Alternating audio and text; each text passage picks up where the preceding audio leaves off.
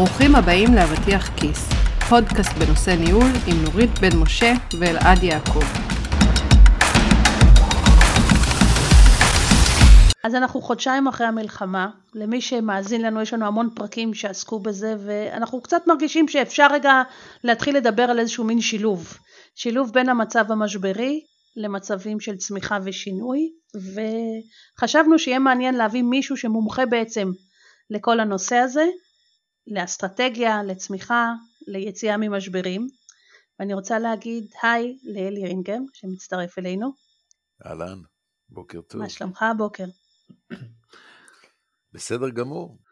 כמו כולנו, בסדר אבל uh, לא בסדר. אני כאילו, לפעמים השאלה הזאת, אני שם לב ששואלים אנשים מה שלומך מאז שהתחילה המלחמה, כאילו אנשים לא יכולים להגיד הכל טוב, הכל זה, זה כאילו, זה חייב לבוא עם עוד משהו. אז אלי הוא אדם עם המון המון עשייה. אלי, אני ככה, זה הולך להיות ארוך אז תתכוננו, מייסד שותף של חברת מודל Z, בוטיק של אסטרטגיה וצמיחה. Uh, בעצם הרעיון לחברה הגיע לפני עשר שנים כשאלי חזר מרילוקיישן מקליפורניה. והכל בגלל שאלה בגוגל, את זה אנחנו עוד uh, נשמע, טיזר להמשך. אלי עם יותר מ-25 שנות ניסיון בניהול עסקי במגוון תעשיות, ביניהן קמעונאות, מערכות מידע וקלינטק. אלי גם מנוסה בסביבות עבודה של סטארט-אפ, כמו גם חברות מבוססות במגוון של מוצרים ושירותים. במהלך השנים הוא יצר שווקים מאפס לכדי מיליוני דולרים בישראל, אירופה וארצות הברית, וצבר את ניסיונו בתפקידים ניהוליים במכירות, פיתוח עסקי ושיווק. בתפקידו האחרון אלי ניהל חברת בת לטכנולוגיה בתחום ההתייעלות האנרגטית בקליפורניה. הוא בעל תואר ראשון במנהל עסקים וכלכלה מאוניברסיטת חיפה. הוא שותף מרכזי בפרויקטים אסטרטגיים עבור סימנס העולמית, מימון ישיר, כליל תעשיות, חברת החשמל, אלביט ועוד המון המון לקוחות נוספים. אה, הוא מגדיר את עצמו כארכיטקט עסקי והוא אוהב לפצח חידות של צמיחה. אז אהלן אלי, אני מקווה שכיסיתי הכל, אני בטוח שככה יש עוד הרבה מה להגיד. וואלה, זה מאוד. אני. וכיף שאתה איתנו פה. לדבר על אסטרטגיה, מה לא? כן, זה כיף לדבר על אסטרטגיה. פעם לא ידעתי את זה, אבל, אה, אבל עכשיו זה כיף. מה שלומכם? בסדר גמור. כמו אז שאמרנו. הבוקר, בדיוק, זה כולנו ככה. אז uh, הבוקר אני מדבר איתכם לפחות מהשקט של אה, אלוני אבא ב- בצפון הארץ, עמק יזרעאל, אה, מי שמכיר. ו... בעצם. צפון השקט עוד, יש עוד בדיוק, צפון שהוא פחות כן. אה, נעים. נכון. זה, זה אנשים לפעמים אומרים, טוב, פה בכלל אה, זה ארץ אחרת לכאורה. ודווקא מעניין ש, שציינת את, ה, את הסיפור של ה... שהתחלנו את החברה, שהתחלנו את מודל Z, אסף צור ואני לפני עשר שנים משאלה בגוגל, כי הייתי אומר ככה, אה, אה, לפני עשר שנים היית אומר לי ייעוץ, אה, אז ראיתי מול העיניים ככה הרבה אנשים עם חולצות כחולות ומכנסי חאקי פושטים על משרדים, מראיינים אנשים, רושמים את מה שהם אומרים, עוטפים את זה למצגת, מגישים ספר ואומרים, הנה אסטרטגיה לחמש שנים כמו ברית המועצות. יאללה, סעו לדרך. וזה לא דיבר אליי. וכשאסף אה, ואני, השותף שלי, אמרנו ניכנס לעולם הייעוץ, ולא היה לי מושג בזה, שמתי שאלה בגוגל. אתם יודעים מה הייתה השאלה? מה המודל העסקי של ייעוץ? והתשובה הראשונה שהגיעה הייתה המודל העסקי של ייעוץ מת. אמרתי, זה מעניין. זה מעניין. נכנסתי ללינק הזה ונחשפתי לעולם שלם של פיצוח צמיחה, של גישות אחרות לגמרי מהתפיסה המסורתית, עם uh, משהו שנראה יותר דומה, אני קורא לזה לסדרה בנטפליקס, מבחינת הדרמה שבפיצוח, מאשר הדבר המשמים, המשעמם, הנוראי הזה, שהוא רק טרחני. ואנשים מתרחקים ממנו. אז uh, הנה החיבור לאסטרטגיה ו... ולצמיחה. אני אגיד רגע משהו מהכיוון שלי כשאתה מדבר על אסטרטגיה, אני שומעת המון מנהלים. אז אם זה מנהלים בכירים, המון פעמים זה אוי נו עוד פעם איזה יום כזה, יום הנהלה, שצריך לשבת על אסטרטגיה, ויבוא איזה יועץ, ו- ויהיה אוכל טוב ומקום נחמד, אבל עוד פעם, אנחנו הולכים קצת לזיין את השכל, excuse my French. או לחילופין, אנשים ברמות יותר נמוכות שאומרים, כאילו, מה, מה הקשר של אסטרטגיה למה שקורה לנו ביום יום? אז בוא, פיצוח ראשון בשיחה שלנו, בוא בכלל תסביר לנו מה, זה, מה זו אסטרטגיה. ולמה כולם פוחדים ממנה או לא כל כך אוהבים אותה. אז אני, אני, אני אלך רגע ואני אגיד בצורה פרובוקטיבית. כשאני נכנסתי לנושא של אסטרטגיה, אני פחדתי ממנו. פחדתי בתור אחד שנכנס לזה. אמרתי, רגע, זה נשמע לי גדול, זה נשמע לי רק למתי מעט, רק אנשים שכתוב להם VP, EVP, סמנכ"ל, מנכ"ל, רק, רק האנשים האלה באמת מבינים מה זה, וזה נראה לי משהו שמונח על מדף. כשנכנסנו יותר ויותר לעולם של אסטרטגיה, הבנו שבסוף, בסוף אתה מדבר על תרחישים שונים של דרכי פעולה שונות, של אופציות שאתה צריך לחקור אותן כמו מסע של פיצוח חידה. עכשיו, כל אחד מאיתנו פיצח, אוהב לפצח חידות. זאת אומרת, אתה שואל את עצמך שאלות שהן שאלות עסקיות, שאלות על הצלחה, שאלות על צמיחה. וזה סוג של שאלות שאתה אומר לעצמך, אם אני שם את המילה אסטרטגיה, זה נראה לי לא מתחבר ביחד. ובעיניי, הסיבה שמנהלים אה, בדרגות ביניים, אה, עובדים פשוטים, בסדר, נקרא לזה רגע, אנשים מהמניין, פוחדים, זה כי זה נראה להם מורכב, מסובך, ותן לגדולים לטפל בזה. והתשובה היא, זה פשוט לא נכון. זאת אומרת, אנשים, כשהם מקבלים בעצם חידה עסקית לפיצוח, כשאני שואל אותך, רגע, תגיד לי שנייה, אה, יש לי בית מלון, אה, זה המצב שלו, זה מה שאני הייתי רוצה להשיג, אה, אני רוצה שבית המלון הזה יעבוד 24 על 7, שהוא ישרת אנשים בלי שום אה, צוות, אפס צוות, מה אני עושה? אנשים מתחילים לחשוב, מגרדים רגע בראש, בלי שום כלים הם נותנים ישר תשובות. ואז אני מראה להם, חמש דקות, עשר דקות, חמש עשרה דקות אחרי זה, שאשכרה יש אסטרטגיה כזאת, והיא גם הצליחה, ובנתה מנוע צמיחה. ופתאום הסיפור הזה מחלחל להם למטה להבין שהם נוגעים באסטרטגיה ביום-יום שלהם, רק שהם נוגעים בה בשתי דרכים.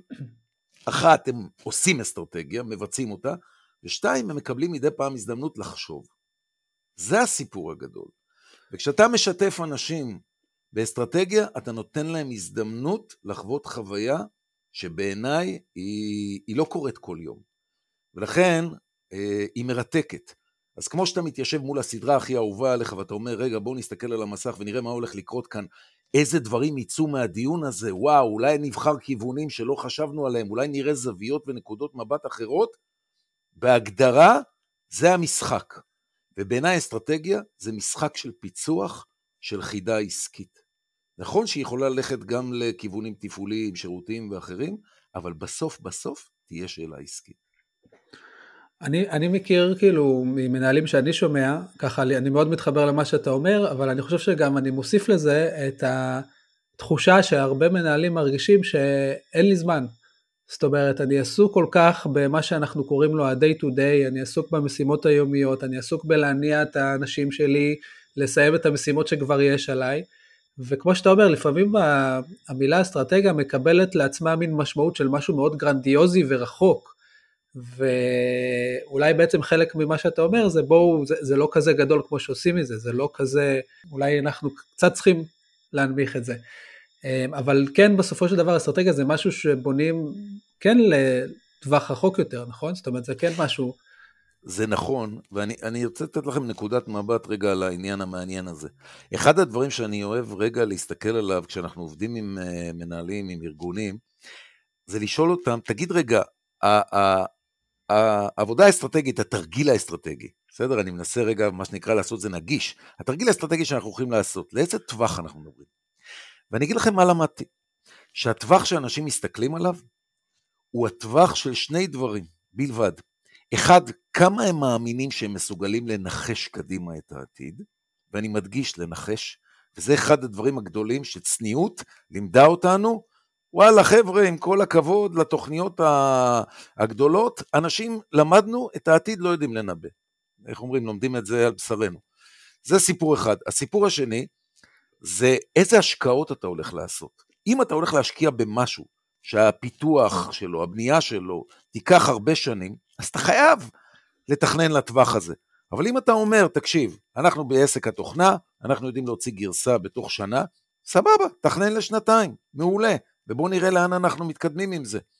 זה סיפור גדול שלמדתי אותו, והוא דרך אגב, הוא הבדל גדול בין עסקים שמבוססים על חומרה, לא משנה, כל מוצר פיזי, מארון מקרר ודרך מכשיר, דרך תוכנה לשירותים. כמובן בשירותים ותוכנה אתה יותר גמיש, ובחומרה, איך אומרים, הקצב יותר איטי.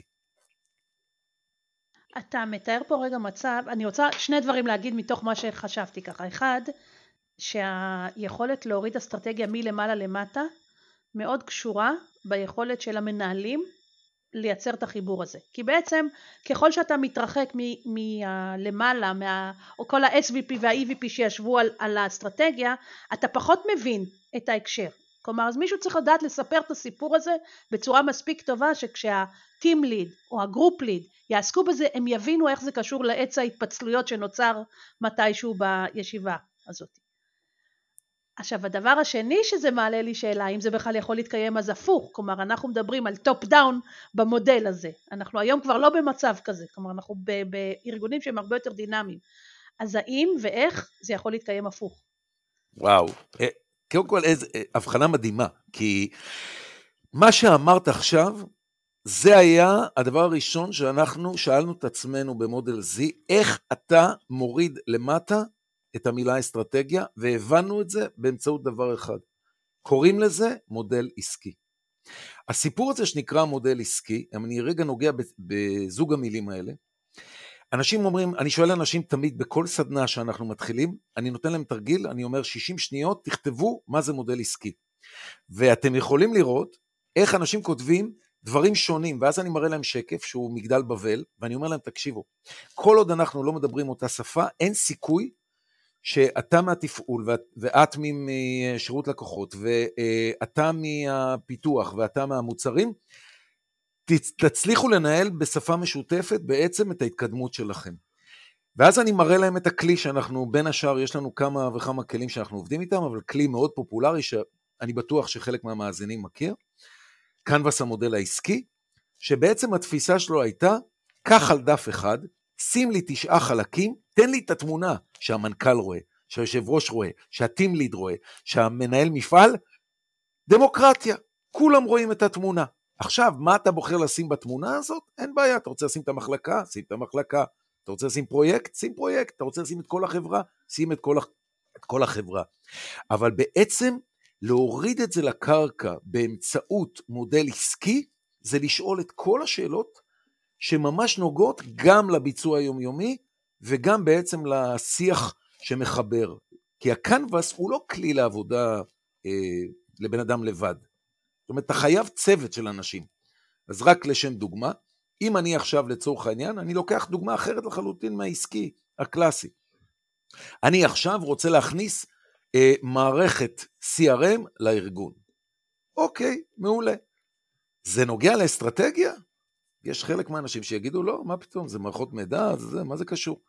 והתשובה היא, בטח שזה נוגע.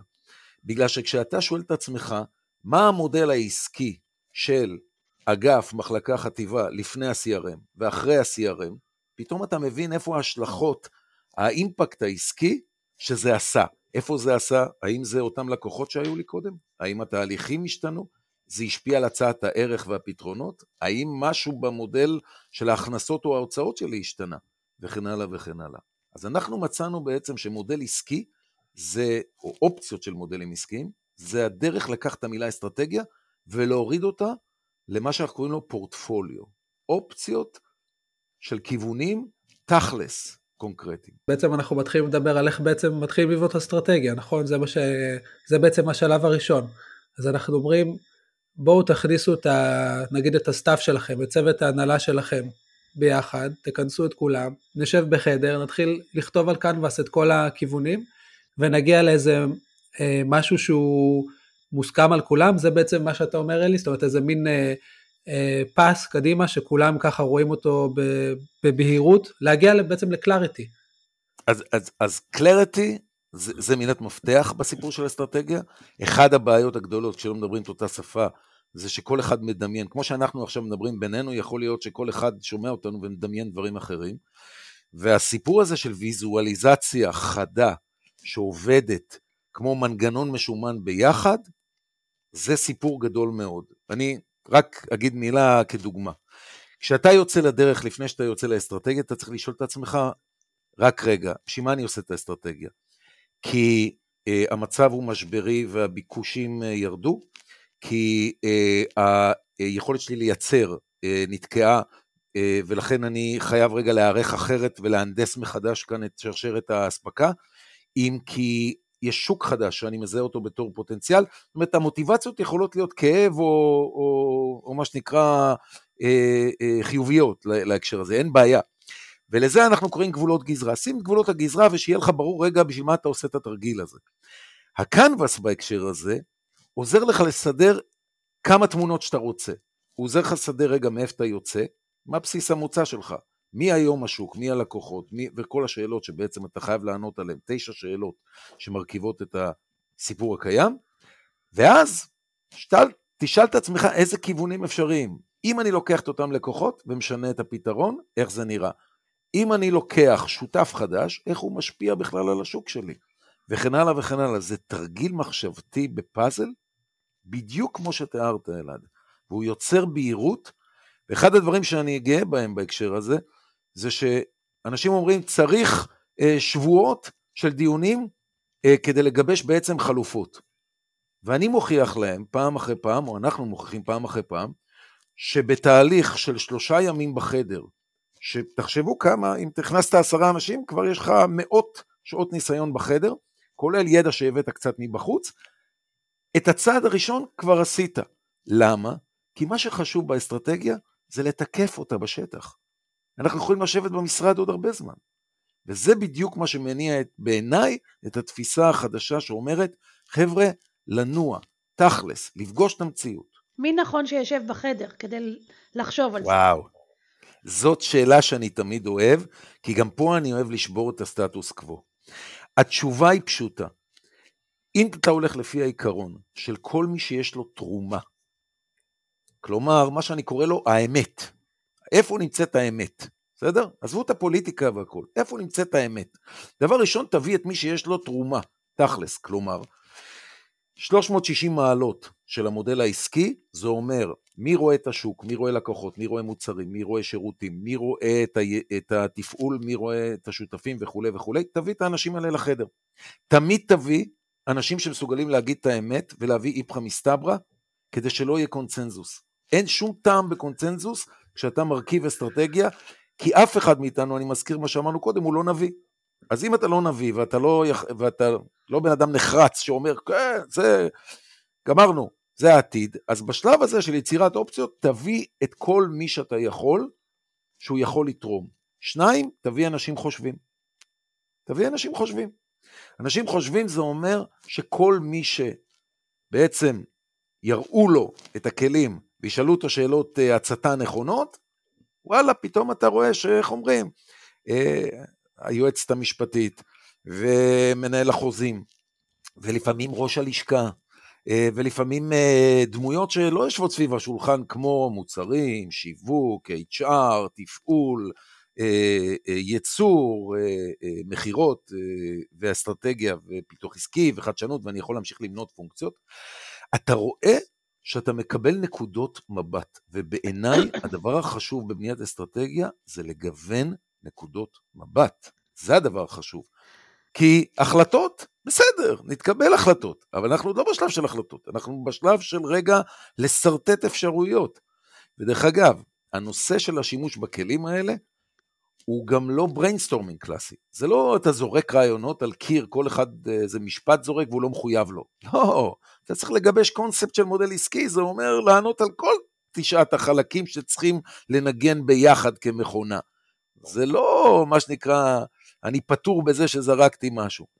ולכן, כל מי שאפשר מוזמן לחדר, מרמת הניסיון, 15 איש, 20 איש, עושה את העבודה נהדר לייצג את כלל החברה, ומדי פעם, אם לא פוחדים, אפשר להזמין גם חיצוניים אה, שמרגישים בנוח איתם, אה, כדי לגוון את נקודות המבט. אני מחייכת, אני לא יודעת אם למדת את תיאוריית U, אבל אתה מכיר? של אוטו שרמר או לא? האמת שלא. לא, אוקיי. אז הבאנו לא מזמן גם, וזה פרק שאמור לעלות על uh, הנושא הזה של uh, תיאוריית U, שזו גישה שבאה ואומרת, לחשוב על ההווה מתוך העתיד המתהווה. ואחד הדברים, הקונספטים בתיאוריה בא ואומר תביא את אנשי קצות המערכת. כשאתה דן בשאלות האלה, תביא אותם. כלומר, זה יכול להיות גם, זה יכול להיות לקוחות, זה יכול להיות בדיוק אנשים האחרים, האנשים אבל שיש להם את הפרספקטיבה האחרת כדי לגוון את השיחה וכדי לא להיות כולם אומרים כן למנכ"ל הנחוש והאסרטיבי שמוביל דיון.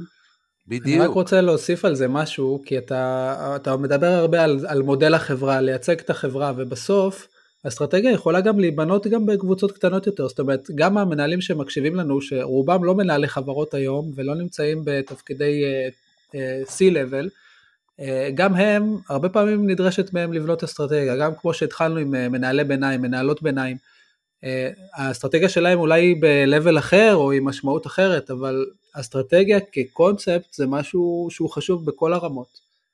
אני באופן אישי חושב שאם אתה מחבק את המילה אסטרטגיה בתור משהו חי, תרגיל, תרגיל מחשבתי, שמאתגר רגע את הקונספציות הקיימות שלך, אתה מגלה דברים מדהימים. אני אתן לכם דוגמה. קונספציה זה חם עכשיו.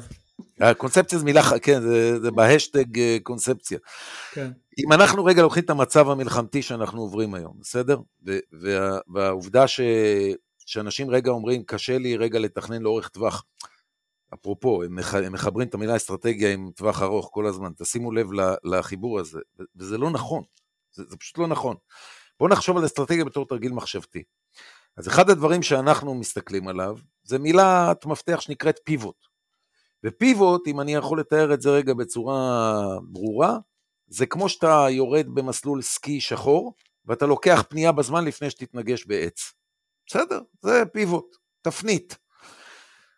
עכשיו, במצב מלחמתי, אם אני מנהל מחלקה, למשל, אה, ועובד, אה, מנהל מחלקת תפעול, ואני עובד עם אה, מנהל מחלקת המוצרים, ואנחנו רוצים ביחד להבין איך בעצם התרחיש שלנו השתנה, אז זה מאוד מעניין.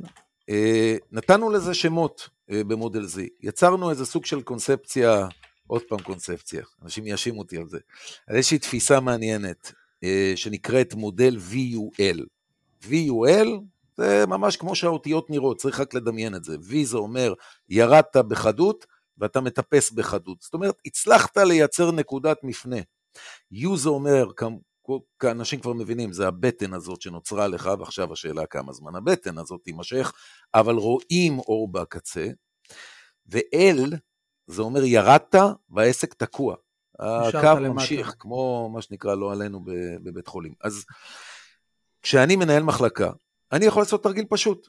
אני לוקח את המודל העסקי או המודל המשימה של המחלקה שלי, בואו נדבר על המחלקה שלי, בסדר? או שתי המחלקות, או תחום מסוים, ואני בודק אותו רגע לפני שהמלחמה התחילה. בסדר, ואומר, ככה הוא נראה, זה היו הלקוחות, וככה היו ההישגים, וככה נראו השותפים, וכולי וכולי וכולי, ואני ממפה את זה אה, בחדר יחד עם צוות של חמישה אנשים. בסדר? לא צריך גם אה, סדנה גדולה.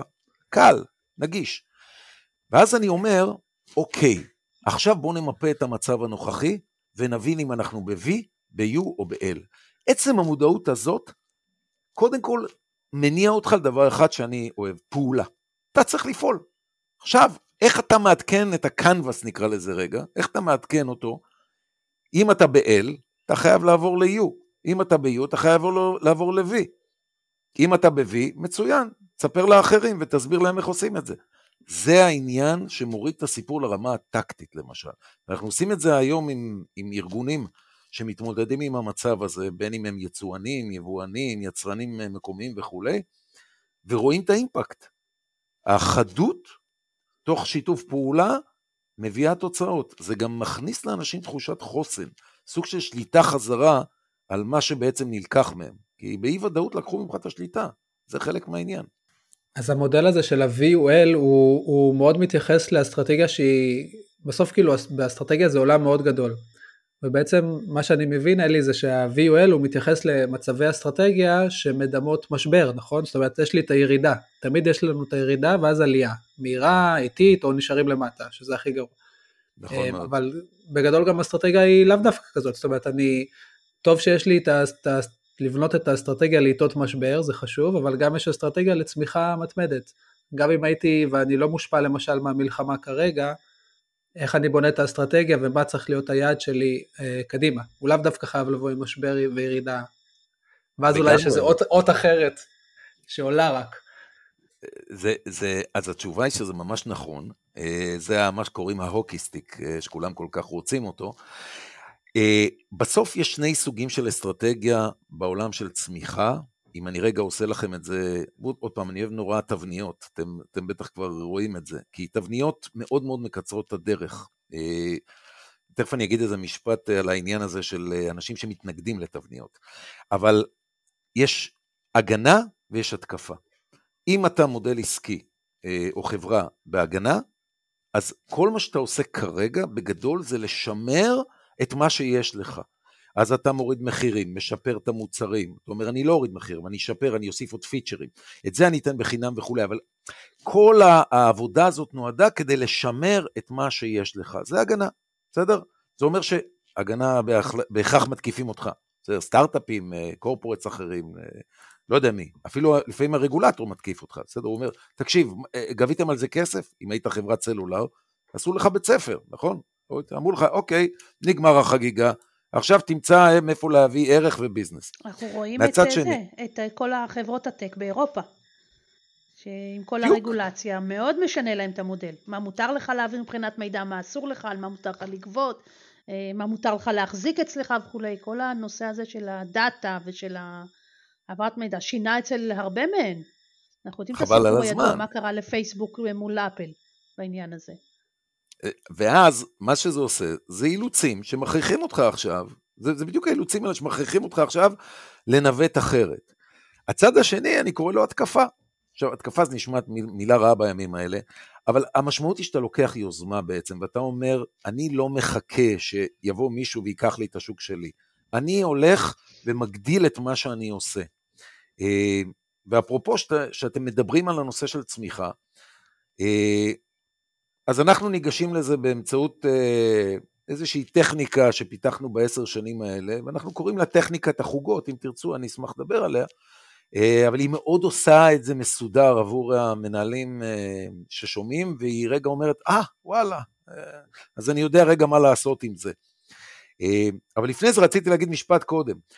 כל פעם שמישהו אומר לי, אנחנו ארגון מסוג אחר ואין כמונו, או מישהו אומר, כל לקוח זה דבר אחר, המשפט הזה, כל לקוח זה דבר אחר, אני זוכר שאמרו לי את זה בתהליך שעשינו עם חברה תעשייתית שיש לה 6,000 לקוחות אה, עסקיים, בסדר? לא, לא נסגיר וכולי, זה עולם... אבל אמרו, כל לקוח זה דבר אחר. אמרתי, כן, מאוד מעניין.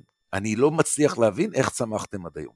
אם כל לקוח זה דבר אחר, לא מבין בכלל איך יש לכם חזרתיות ומה שקוראים סקלביליות, יכולת לגדול באופן uh, מהיר. אז האמירות האלה הן לא נכונות. תבניות הן uh, הבסיס של הצלחה, כי אתה לוקח מתכונים של מוצרים, שירותים, מערבב אותם מחדש, כמו שף במסעדה, ובעצם מייצר אסטרטגיות חדשות. בסוף אין באמת מקורי מקורי מהשקית, זה קומבינציות. שכל פעם מייצרים אותם מחדש, וזה מה שיפה דרך אגב, כי האפשרויות הן אינסופיות אה, בעולם הזה. ויש איזה נוסחה ככה לפצח את זה? להבין מה התבנית הזאת שככה מאגדת את הלקוחות ואת הצורך של כולם? אז זה כן, אז, אז לקח לנו הרבה שנים, אבל uh, ניסינו ואנחנו כזה אובססיביים על העניין, אז אנחנו כל הזמן מנסים לחבר ולמצוא מה חוזר על עצמו.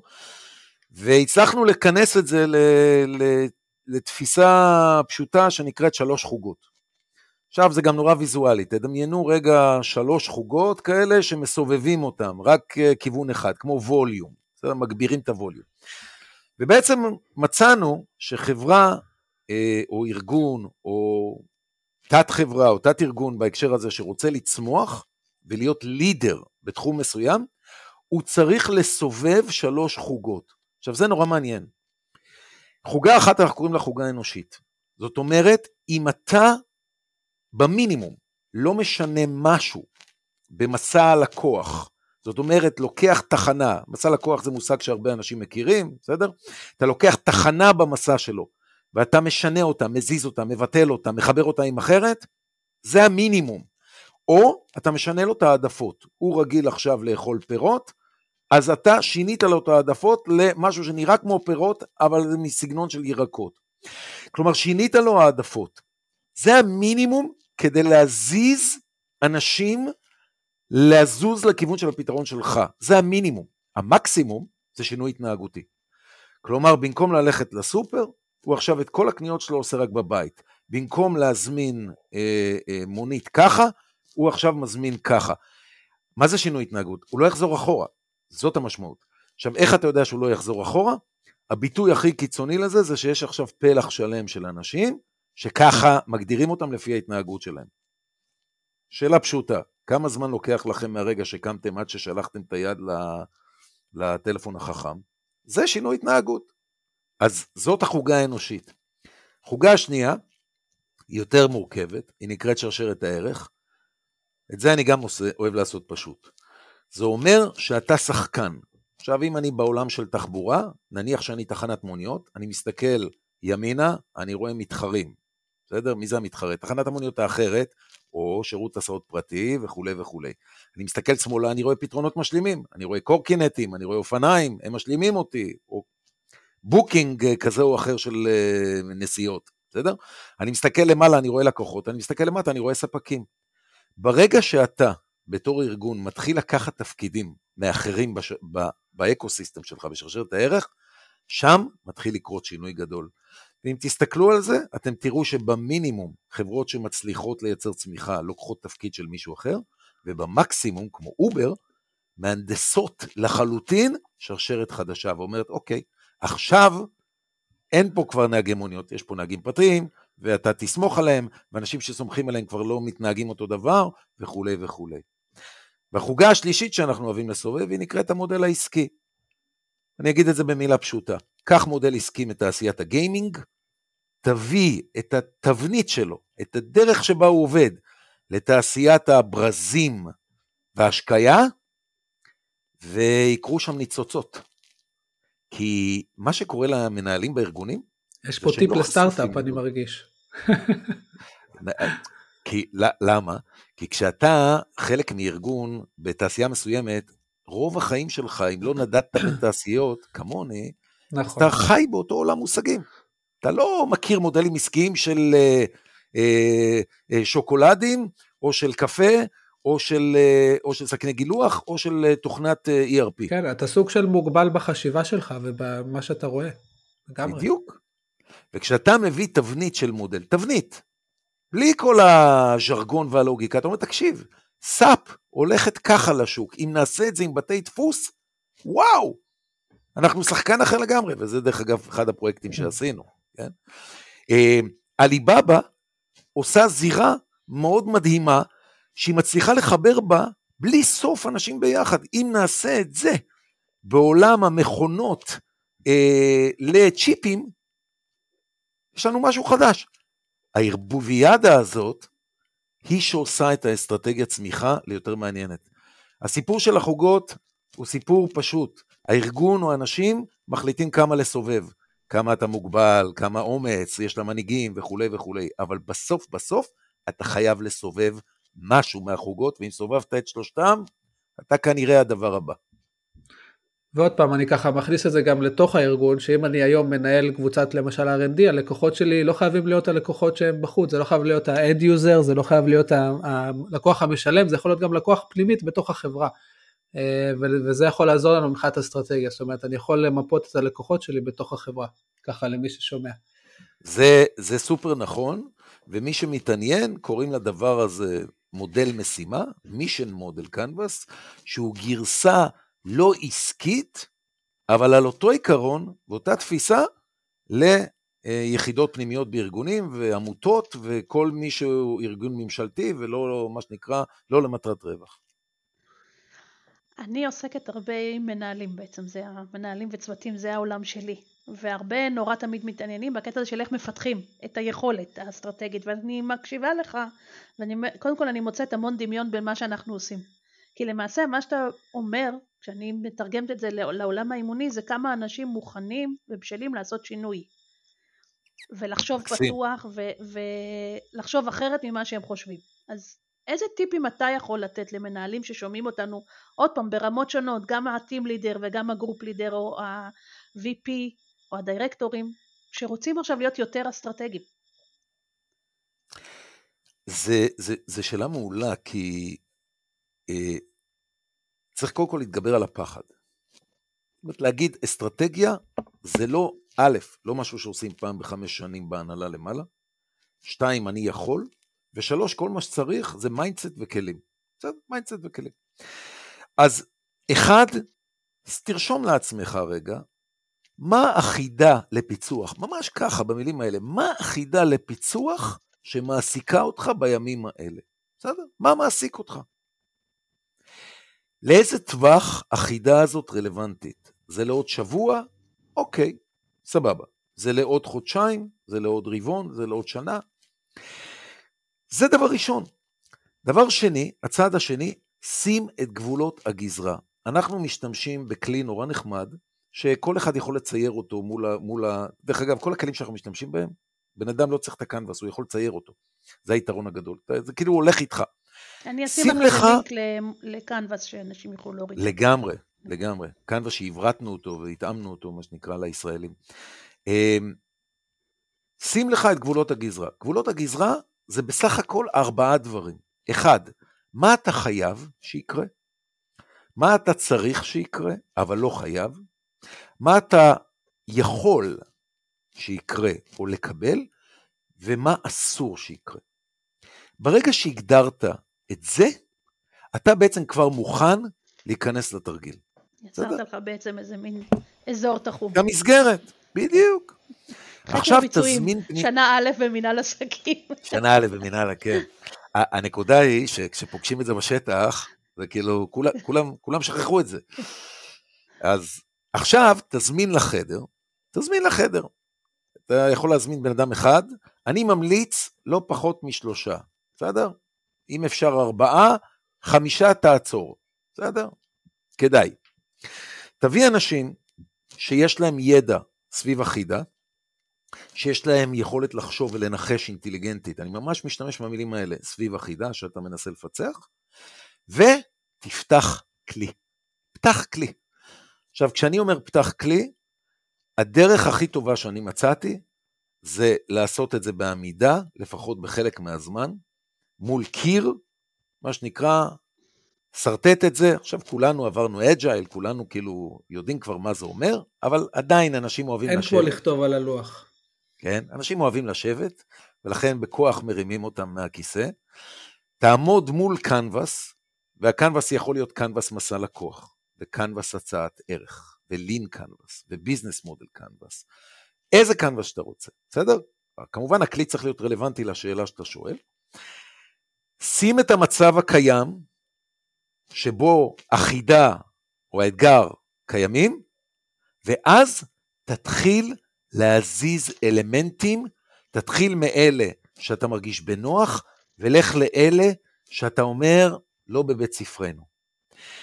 והניסיון הזה, אני מבטיח, באין צדקי, מבטיח, הוא מייצר לפחות כיוון אחד אפשרי, שלא לקחת בחשבון, שכמובן, הוא חייב לבוא בהלימה לגבולות הגזרה שהגדרת, ואם זה קורה, עשינו הרבה, כי אנחנו עכשיו יודעים שיש action item, שאפשר להתחיל להניע כבר את מה שאנחנו אוהבים לקרוא לו ביצוע חכם, תיקוף זה נקרא. לך תתקף. לפני שאתה, איך אומרים, עלינו על זה, יוריקה, הלו, הלו, יוריקה זה ארכימדס, אתה לאט לאט. כן, אז... כי באמת, הרבה פעמים איפה שמנהלים נופלים, מהניסיון שלי, כן, זה שבאמת יוצרים את היעד הזה, לפעמים קוראים לזה, יש מושג שנקרא בעולם הטק, שנקרא ביהאג, אני לא יודע אם אתה מכיר. ביג, הרי, אודיישס גול, כאילו יעד מאוד uh, גדול וגרנדיוזי, ככה ששמים להם, אבל בסוף הם נופלים בביצוע. כי כנראה משהו שם חסר, לא יודע, בפרוסס, באיך שהם מבצעים אותו, ופה באמת, אני בטוח שיש פה כל כך הרבה מאזינים שמתים לשמוע ככה ממך אלי, איך נכנסים לביצוע של זה, יש לנו את היעד, קבענו את זה, סבבה, מה הלאה, איך אני גורם לזה לקרות. אז הנה המתכון החד ביותר שאני יכול לתת. שמת על הקיר את כל מה שאתה חושב, מנחש, כן, ויודעת. מעולה.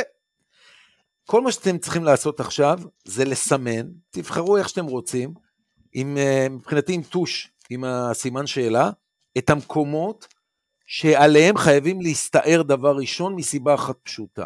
מה אם אנחנו טועים? כלומר, אם טעינו והמחיר של הטעות הוא הכי גבוה, על זה תלכו ראשון. זה התפיסה. זאת אומרת, תחשבו על מגדל הג'נגה, המשחק הזה שמוציאים את האבנים, או מגדל קלפים, לא אכפת לי, אתם מושכים את הקלף מתחת, בתחתית החפיסה. זאת אומרת, הולכים הפוך, וזה אני אומר לכם, זה הפוך מהטבע האנושי. אנשים לא רוצים, לא רוצים להגיע לפיבוט. הם כאילו אומרים את זה, אבל בתכלס, קשה להם עם זה, בסדר? אלא אם כן, אומרים להם, חבר'ה, לא יהיו השלכות. זה בסדר, תנסו. ואז כשאתה בוחר את ההנחה ששמת, אני אומר, רגע, זה הלקוח, זאת הבעיה, זה האתגר, אתה יודע מה? בסדר, זה הלקוח, זאת הבעיה וזה האתגר. אולי התחרות או החלופה מספקת פתרון מספיק? אה, האם ידעת שהמתחרה של תוכנת מייקרוסופט, אקסל, זה גם פתק? זה גם לשאול מישהו את השאלה? זה גם מחשבון כיס? לא, חשבתי שזה רק אה, Google Sheets. לא נכון. ולכן קח בחשבון שיש מלא נקודות שבהן אתה יכול לטעות. אה, דרך אגב, אם אין הרבה נקודות שאתה יכול לטעות, סימן שאתה כתבת את ההיסטוריה על הלוח. אין שם שום דבר עתידי. זה, זה גם mindset. נכון, זה גם אז... כאילו יעד לא מספיק אה, שאפתני. אם, אם אין לי אפילו, שום... אה... לא צריך אפילו שאפתני, אפילו לא הוא, לא, כן. הוא לא מחובר למציאות, כי המציאות שלנו היא מלאת סיכונים וסימני שאלה. בדיוק, יפה. אז ככל שאתה אמיץ יותר, יהיו לך יותר אה, כאלה, מה שנקרא, אלמנטים עם סימני שאלה, והסימני שאלה יותר חריפים, שהמחיר כישלון שלהם יותר גבוה. ועכשיו הצעד הבא שלך זה לעשות את המינימום שבמינימום ההכרחי ולהיות יצירתי פה. פה תהיה יצירתי. אל תהיה יצירתי בלהוציא עשרה מיליון דולר. תהיה יצירתי בלהוציא עשרת אלפים דולר, או אפילו אפס כסף, בללכת ולבדוק את זה בנקודות הקצה. נקודות הקצה, בדיוק כמו שנורית אמרה קודם. הלקוחות שאתה מדמיין, הלקוחות של הלקוחות. אנחנו רואים המון אנשים במודלים של, לא של B2C, של B2B2B2C, שהם לא מדברים עם ה-C. לא מדברים איתם. אומרים, תקשיב, אני, יש לי ערוצים, יש לי אינטגרטורים, יש לי נציגים, זה, אני מדבר איתם, הם משקפים לי את המציאות. לא, הם משקפים לך את המציאות דרך העיניים שלהם. אתה צריך את נקודות המבט האותנטיות. ורעיונות, או קמפיינים, או מצגת, עזוב mockup, עזוב prototype, מצגת, ברושור. אתם יודעים כמה פעמים אנחנו עשינו את הדבר הזה? אני זוכר שעם אחת מהחברות הפיננסיות, השקנו אירוע קטן עם כיבוד לבעלי עסקים, כדי לבחון קונספט של אה, קופה שהיא מחוברת ל-ERP וכולי וכולי. החבר'ה התעקשו להביא את הקופה, אמרתי להם, אל תביאו שום קופה. אנחנו נעשה מצגת, נספר את הסיפור ואתם תראו שמי שאוהב את זה, ידמיין את זה. ומי שלא מתחבר, הוא לא מתחבר, זה לא משנה מה. והעסק נפל. אה, לא זרקו שם מיליון שקל לפח, בסדר? לצערי הרב. כי כבר קנו את כל מה שהיה צריך. אה, אבל זה הפתרון. והסיבה, אלעד, זה כי הפיבוט יגיע. הוא יגיע.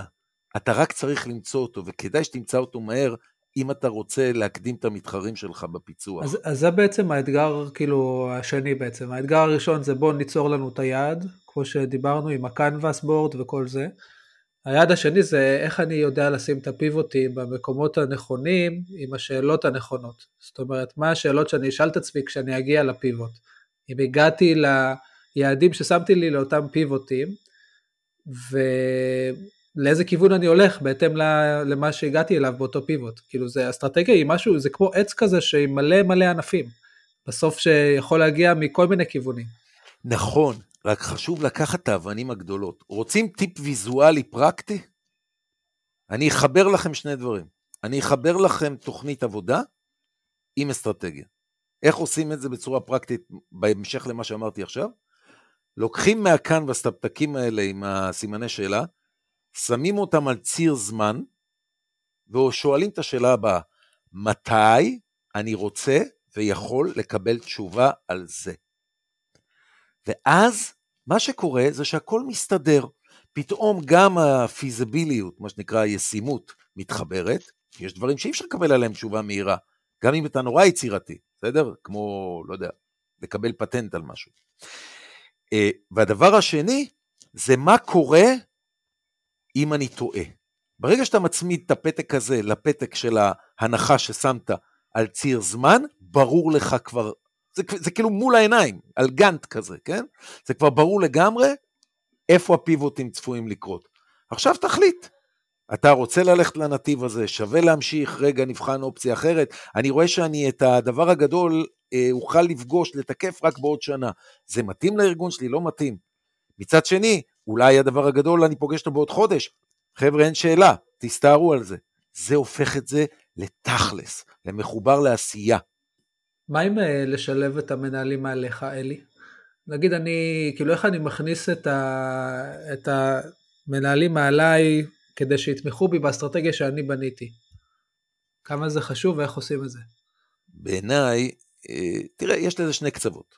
בסוף זה גם עניין אה, אנושי. ככל שהמנהלים למעלה, יש להם go no go, זה נורא תלוי באופי. יש מנהלים, ואנחנו רואים מנהלים בכירים, שהם לא אה, אוהבים רק לשבת בתפקיד השופט. אה, והם אוהבים להיות חלק מהיצירה ולתרום אה, מהידע שלהם, הם בעצם באים כמו סוג של חבר בצוות, או אפילו יועץ חיצוני, בסדר? סוג של צ'רמן כזה שמייעץ. כן. יש מנהלים שאוהבים להיות בתפקיד, בכיסא השופט. ואני אומר, זה בסדר, שני הדברים בסדר.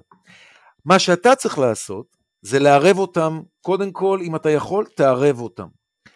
אה, אם הם מוכנים לתרום והם באים בגובה העיניים כמו חבר בצוות שהוא חבר מנוסה ועם ראייה רחבה, זה, זה מאוד מאוד חשוב כי הוא יכניס פנימה שיקולים לקריטריונים שדיברנו עליהם בהתחלה, שאולי אתה לא לקחת בחשבון. זה אחד. שניים, הם לא חברים, לא קרה שום דבר.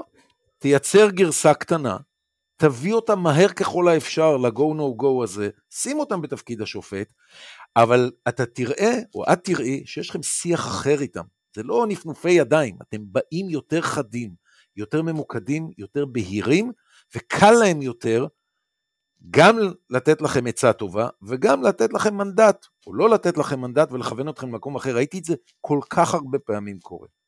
כן. אלי, ככה לפני סיום, הייתי שמחה שתיתן נגיד אולי איזה שניים שלושה טיפים למנהלים עכשיו שמקשיבים לנו, שאומרים וואלה אוקיי, נפתח לי עולם חדש לגבי אסטרטגיה, איך נכון להיכנס אליו. ואני מדברת לא על הרמות הגבוהות אלא על הרמות הזה, מה שניים ושלושה צעדים, עכשיו סיימו לשמוע את הפרק, מה הם יכולים לעשות. אז, אז צריך לחזור למה שאמרנו. אה, קודם כל, שים מול העיניים ותשאל את עצמך, או תשאלי את עצמך, מה החידה שאני חייב לפצח בימים האלה? זהו, מה החידה שאני צריך לפצח בימים האלה? בסוף בסוף, אני נותן טיפ לכל מי ששומע אותנו, בקצה תמיד תהיה שאלה עסקית, גם כשמדובר במשאבי אנוש, וגם כשמדובר במערכות אה, אה, אה, מידע, או, או אפילו דברים שהם יותר רכים בהקשר הזה, בסוף יש תמיד שאלה עסקית. תחדדו את החידה ואת השאלה העסקית, זה הדבר הראשון. דבר שני, שימו את גבולות הגזרה, מה מבחינתכם חייב, צריך, יכול, אסור, ו... שימו קנבס. הקנבס יעזור לכם להתחיל לנתב את הדרך. דרך אגב, ראיתי את זה המון פעמים. אנשים מבינים עניין, הם יודעים לעבוד, גם אם הם לא ספצים ולא דייקו בדיוק במושגים, תעבדו עם עוד אנשים, הקולבוריישן הזה, השיתוף פעולה, הוא מייצר יותר אה, אה, איכות מבחינת התוצר. אלה שלושת הדברים שזה קום וצא. אה, ממש עכשיו. עכשיו כמובן שכדאי שיהיה לך קנבס זמין, לצורך זה אנחנו אה, נאפשר את זה בלינק, אה, אבל זה הסיפור. אני רוצה רק להגיד עוד דבר קטן, שיעזור לכל מי שעושה כאן תרגיל נוסף, אם הוא רוצה להתנסות בלי לעבוד על חידה משלו. וזה תרגיל מעניין. קחו חברה שאתם מעריצים, מעריצים. עכשיו, מעריצים אותה לא משנה למה. עזבו רגע למה אתם מעריצים אותה. בלי קשר שהיא מהתעשייה שלכם או לא. תנסו לדעת, להגיד לעצמכם מה אתם בדיוק מעריצים במודל העסקי ובאסטרטגיה של החברה הזאת. למה אתם כל כך מעריצים אותה? בגלל שהיא יודעת להגיע ללקוחות נהדר, בגלל שהיא יודעת לגרום להם להתאהב במוצר, כל מיני סיבות. ומה שאתם תגלו זה שיש לכם השראה מטורפת ממודל עסקי, מתעשייה אחרת לגמרי, על אותם עקרונות, ואם תעשו חשיבה קטנה, תראו שאתם יכולים להעתיק אותם לרגע, רק כדי להתנסות איך זה נראה בעולם שלכם, ותיפטרו מהסיפור של אין כמונו. זה לא נכון. חוץ מפודקאסט אבטיח כיס, כי אין כמונו, כן? כמה... נכון. אולי אנחנו גם צריכים לעשות עכשיו את. אלי, קודם כל, תודה רבה על פרק מלא רעיונות והשראה וכיוונים. וואו, מרגיש לי שרק אה, גירדנו, כאילו, מי שיושב כן. עם אלי, יש לו עוד הרבה הרבה מה לספר. ושאלת בהתחלה, אמרנו מה שלומכם, אז אני יכולה להגיד ברמה האישית ככה, אני אומרת, אני יוצאת מפה ואני אומרת, בעצם לכולנו יש הרבה יותר אופציות. אה, לפרק את הבעיה, ו- ואנחנו לא helpless, ואנחנו יכולים, לא משנה מה, אם היא עסקית, אם היא אישית, אם היא אה, מקצועית, אה, לגשת לזה ככה בצורה פתוחה יותר, ולבחון את האופציות. נמצאות שם כל הזמן. כל, הם לא הלכו לשום מקום. זה נכון. חברים, אתם אה, אה, אה, חידדתם אותי. אני עכשיו יוצא לדרך ליום אה, עבודה, כשאני יודע מה אני הולך להגיד ללקוח הבא. תאזינו לפרק של אבטיח כיס, התכוונת לומר. ממש, תאזינו לפרק של אבטיח כיס. אלי, תודה רבה. תודה ו- רבה, אלי. שיהיה יום שקט וטוב תודה נורית, לכולנו. תודה אלעד, חברים. שתהיה לנו צמיחה, אמן. אמן. לכולנו. ביי ביי. תודה. ביי ביי.